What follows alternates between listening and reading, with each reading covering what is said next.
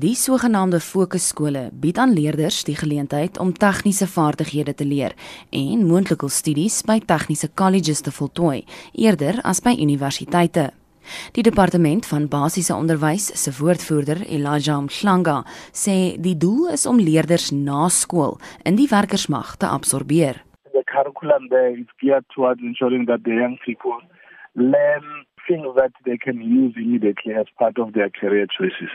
There are 26 subjects in the in the curriculum that is offered in our schools for specialization. You can find upholstering there, electrical engineering, mechanical engineering, design, hairdressing, plumbing as well. Uh, those skills that require people to, to have gone for training without necessarily obtaining a degree. Volgens Mhlanga sal leerders in 'n beter posisie wees om werk te kry indien hulle eerder tegniese vaardighede aanleer in gebiede waar daar 'n tekort is. Don't focus too much on university studies if you can go to a TVET college which can give you these skills after you have gone through our schools of specialization or, or focus schools.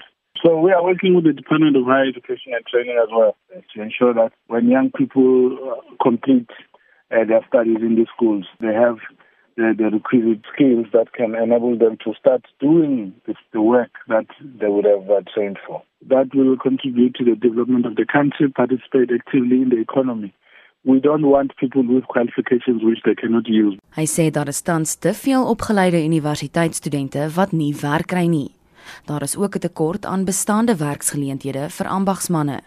Mhlanga hoop dat die projek dit sal verander. There's a lot of young people who have qualified from universities with uh, qualifications that are giving them problems in terms of employment. So we say now, maybe we need to change direction, make sure that all young people who go into the education system find that there's an option for them because there's also the challenge of dropouts who are dropping out not because they can't cope with the curriculum, but because what they want to do is not available. And those are the artisan career paths that uh, we are currently not offering them. Hy sê die departement beoog verder om maritieme en lugvaartskole te open. What we want to do is to have maritime schools in the coastal regions, but we also want maritime schools in the inland provinces so that we can create interest among young people who are in the inland provinces.